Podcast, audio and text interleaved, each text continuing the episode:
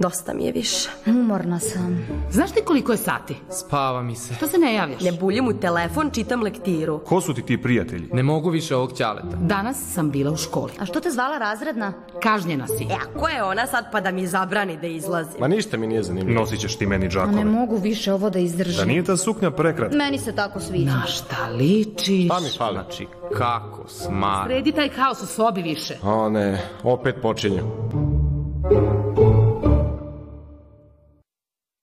Zdravo, zdravo.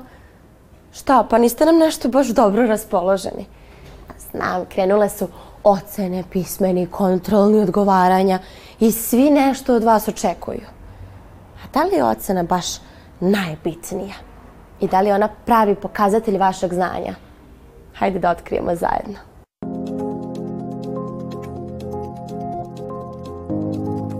Svi jurimo za, za, za prosekom, jel tako? Mi svi želimo da upišemo e, željene u srednju školu, prestižne fakultete i umesto neke umesto jurnjave za saznavanjem, za napredovanjem, za e, učenjem veština ili razvojem kreativnosti liderskih sposobnosti, uglavnom je sada trka za prosekom.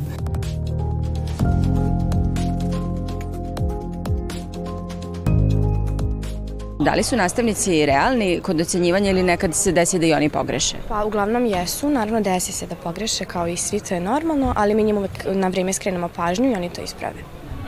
Da li ti učiš za ocenu ili za znanje? Pa danas je ocena nešto što je u stvari najbitnije, ali znanje je svakako potrebno za moju struku, tako da trudim se uvek da imam dobre ocene, ali da i razumem to što učim. E, Koja je tvoja struka da čujem? Ja sam smer elektrotehničar informacijenih tehnologija. Da li si nekad prećutila lošu ocenu? Nisam, njih nema toliko mnogo, uvek se roditeljima kažem i oni nemaju problem sa tim. Da li su nastavnici uvek realni kod ocenjivanja? Pa većinski jesu, ali postoje nekada propusti. Mi njima to objasnimo, koliko uvidimo, oni uvaže naše mišljenje i zajednički dođemo do rešenja. A da li ti učiš za ocenu ili za znanje? Pa većinski učim za znanje, ali naravno da postoje predmeti koji me ne zanimaju u tolikoj meri. Kako reaguješ kada primetiš da ne, neka ocena nije realna? Po, reagujem burno. Kako burno? Pa iznerviram se i žalim se u većini slučajeva. A kako nastavnici tad reaguju? Pa ne zanima ih što mi reagujemo tako. Jesi nekad prećutao lošu ocenu? Jesam. Pa ne treba. Ne treba kriti. ne treba kriti jer svaka ocena je naravno e, trenutak. Naše je da se trudimo e, i da, da vredno radimo i da redovno radimo, a ocene će doći. Ocene su zaista samo krajnji rezultat celog našeg posvećivanja određenom, određenom gradivu. Roditelji kao roditelji naravno uvek žele da su im deca e, odlični đaci. Nekim roditeljima je čak i imperativ petice su imperativ i oni to smatraju da otvaraju, e, da, da te da petice otvaraju vrata svake škole, da je to uslov za uspešno, uspešnu karijeru dalje, za neku dobru budućnost i e, sav taj pritisak roditeljski se u stvari opravdava tom idejom.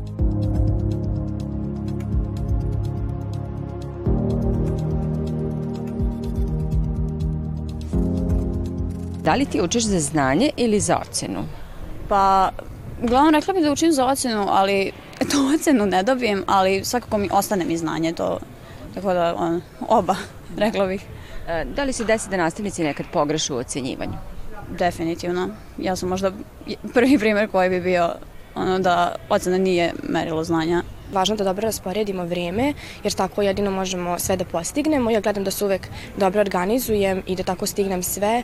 Učenik uvek treba da ukaže ukoliko smatra, ukoliko vidi neku e, grešku, on treba da kaže nastavniku i da zatraži objašnjenje. Nastavnik će naravno ukoliko smatra da je to argumentovano i da je osnovano uvek obrazložiti ocenu, pa čak je onda i, i izmeniti.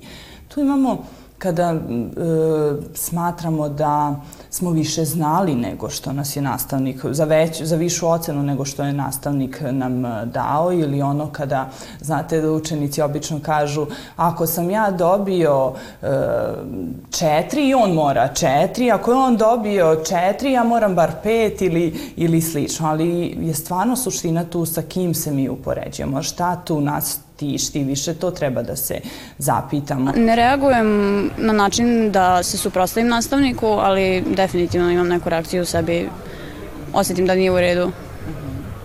Um, da li si nekad sakrila lošu ocenu? Nisam. Roditeljima? Nisam. Kako oni reaguju?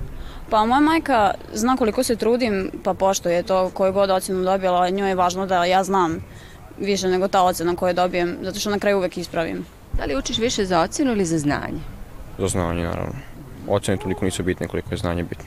Imaš neki savjet za svoje vršnjake kad osete nepravdu u ocenjivanju, kako treba da reaguju? Možda da popričaju sa profesorom, da objasne da oni to vide kao neki propust i da zajednički dođu do rešenja.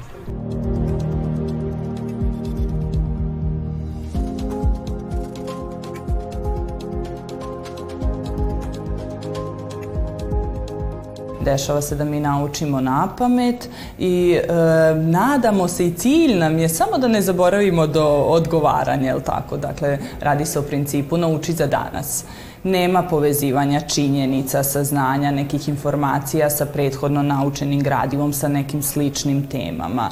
E, nema kod takvog učenja izvlačenja teza, nema primenjivanja nekih tehnika pamćenja kao što su asocijacije, e, mapa uma ili slično. Negde najbolji savet za to prvo ponavljanje nakon naučenog jeste 24 sata nakon e, naučenog gradiva zato što je proces zaboravljanja, zaboravljanja taj prvi dan e, najprocenat u stvari zaboravljanja najveći da tako kažem.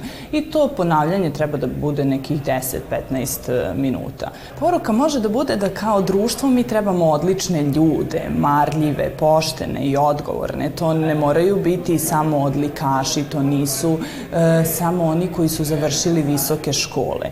To su učenici ili ti danas već onda i ljudi kojima je i kod kuće i u školi razvijano samopouzdanje, kojima je razvijana vera u sobstvene sposobnosti kao i samopoštovanje.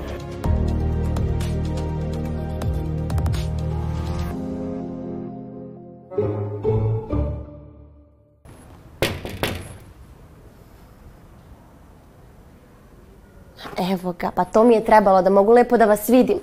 Sad smo razjasnili i razbistrili sve to oko ocena i zaključili smo da ocene jesu bitne, ali ne najbitnije. Ono što je najbitnije je vaše znanje i to vam niko ne može oduzeti. Zato danas zajedno proveravamo vaše znanje iz bitnih predmeta. Ovoga puta nema ocenjivanja. Mikroskopom je otkriveno da u citoplazmi postoje telašca koje nazivamo tkivima, ćelijama, organelama, organima. Tačan odgovor – organelama. Organele su ćelijske strukture koje su odvojene od ostatka citoplazme i e, to su specifična telašca u kojima se odvijaju različiti procesi pošto je, su naučnike podsjetile na organe višećelijskih organizama, onda su i dobile naziv organele. Inače, organele e, su uglavnom izgrađene od membrane, e, koja je sličnog sastava kao i ćelijska membrana. I ta membrana može biti e, jednostruka ili dvostruka, pa tako delimo organele na jednomembranske i dvomembranske. U jednomembranske spadaju endoplazmatični retikulum, Golgi aparat, vakuole, zatim peroksizomi, lizozomi i tako dalje. Dok u dvomembranske spadaju plastidi i ovaj odnosno hloroplasti i spadaju ovaj mitohondrije. E sad Eukariotske ćelije imaju veoma raznovrsne organele, dok prokariotske po pravilu nemaju organele, a ako imaju, onda su to samo neki ribozomi. Takođe postoje i ćelijske strukture koje nemaju ćelijsku membranu u svom sastavu, ali imaju neke specifične ovaj, funkcije i zbog toga se nazivaju nemembranske organele. Tu upravo spadaju ti ribozomi i spadaju delovi citoskeleta.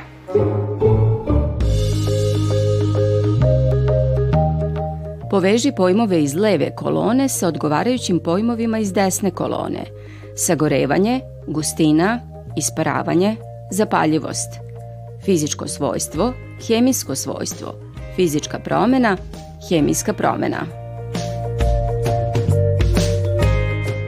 Tačan odgovor, sagorevanje, hemijska promena.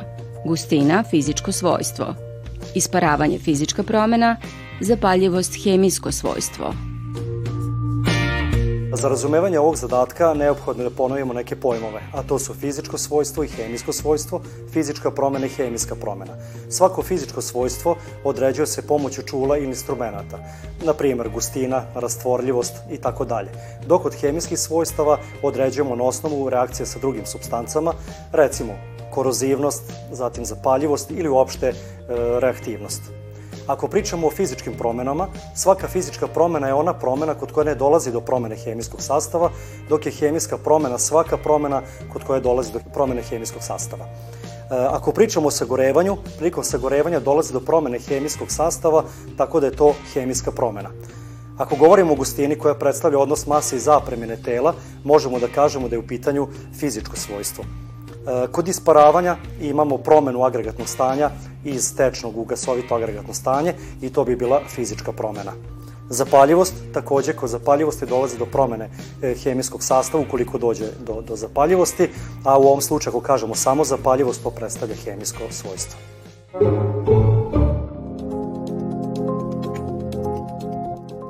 Osnivač američke multinacionalne kompanije Amazon, poznate u oblasti elektronske trgovine, je Steve Jobs, Jeff Bezos, Kevin Systrom. Tačan odgovor, Jeff Bezos. Kompaniju Amazon osnovao je Jeff Bezos 1994. godine. Jeff Bezos je pre toga bio potpredsednik neke druge kompanije i onda je odlučio da osnuje svoju koja bi se bavila internet knjižarom, to je bilo bi elektronsko tržište. Onda je pored knjiga koje su se prodavale u tom virtualnom svetu, sadržaj proširio i na MP3 sadržaj, video sadržaj, DVD-eve, CD-e. Onda je ostvario 2001. godine svoj prvi veliki profit od 5 miliona dolara i tada se sadržaj proširio na ono što je nama danas i poznato da se upravo na Amazonu i prodaje, a to je i odeća, i nakit, i namešte, pa čak i hrana. Danas se smatra da je Amazon najveće elektronsko tržište i to mereno po prihodima i po tržišnoj kapitalizaciji. I ovu emisiju završavamo jednom motivacionom porukom. Nemojte da se plašite neznanja. Plašite se lažnog znanja, jer od njega dolaze sve nesreće na ovom svetu.